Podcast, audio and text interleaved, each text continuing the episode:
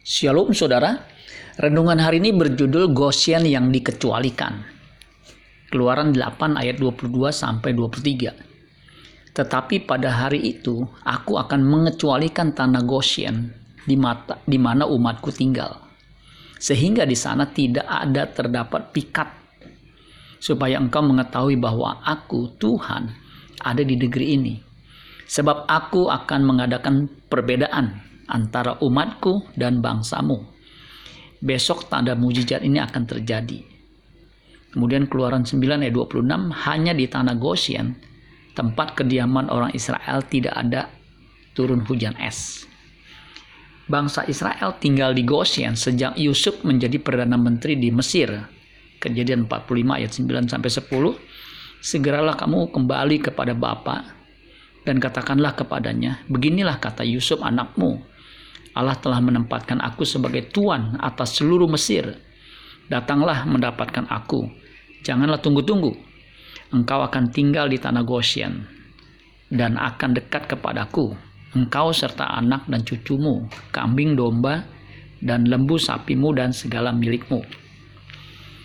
Mengapa Yusuf menempatkan keluarganya di tanah Goshen yang terpisah atau terisolasi? Karena profesi keluarga Yakub adalah peternak. Orang Mesir tidak suka dengan para peternak karena pekerjaan itu dianggap hina.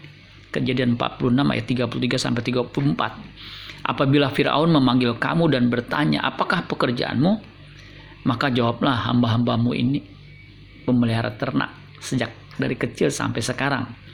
Baik kami maupun nenek moyang kami dengan maksud supaya kamu boleh diam di tanah Goshen Sebab segala gembala kambing domba adalah suatu kekejian bagi orang Mesir. Goshen adalah daerah yang diberikan dan ditetapkan untuk pemukiman Israel sewaktu mereka berdiam di Mesir. Lokasi dan luasnya belum dapat dipastikan, tapi telah pasti berada di Mesir. Kejadian 47 ayat 6 dan 27. Di sebelah timur delta Sungai Nil. Kejadian 47 ayat 6 dan 11 Goshen adalah daerah yang sangat cocok untuk beternak. Kejadian 46 ayat 34, 47 ayat 1, ayat 4, 6, 27, dan pasal 50 ayat 8. Daerah ini tetap menjadi kediaman orang-orang Ibrani sampai tiba saatnya mereka keluar dari Mesir. Sebagian besar daerah ini luput dari tulah-tulah yang menimpa Mesir. Keluaran 8 ayat 22 Keluaran 9 ayat 26 yang tadi kita baca. Namun demikian mereka mempunyai hubungan dekat dengan orang Mesir yang berdiam di daerah yang sama. Ketika zaman Musa, keluarga Yakub telah menjadi sebuah bangsa yang besar yang tinggal di Goshen. Ketika mereka harus keluar dari Mesir, Allah memaksa Firaun dengan menurunkan tulah. Karena memang Firaun itu keras kepala, sehingga tidak mengizinkan bangsa Israel keluar Baru setelah tulah ke-10 yaitu kematian anak sulung menimpa seluruh Mesir kecuali rumah orang Israel yang sudah dilaburi darah domba. Demi menjaga kelangsungan hidup bangsa Israel, Allah harus mengadakan perbedaan antara orang Israel dan orang Mesir.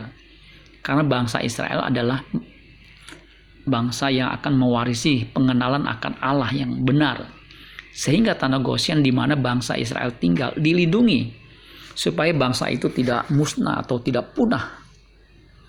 Setelah Tuhan Yesus datang membawa misi Allah untuk menyelamatkan umat manusia, Allah pun mengadakan perbedaan antara mereka yang percaya kepadanya dengan mereka yang tidak percaya. Mereka yang percaya kepada Kristus tidak akan binasa oleh tulah di atas segala tulah yaitu dosa karena upah dosa adalah maut. Roma 3 ayat 23. Itulah sebabnya orang percaya tidak usah takut menghadapi apa pun yang menyebabkan kematian fisik. Karena Allah sudah menyediakan kehidupan di langit baru dan bumi yang baru, yaitu rumah Bapa di sorga. Amin buat firman Tuhan. Tuhan Yesus memberkati. Sola Gracia.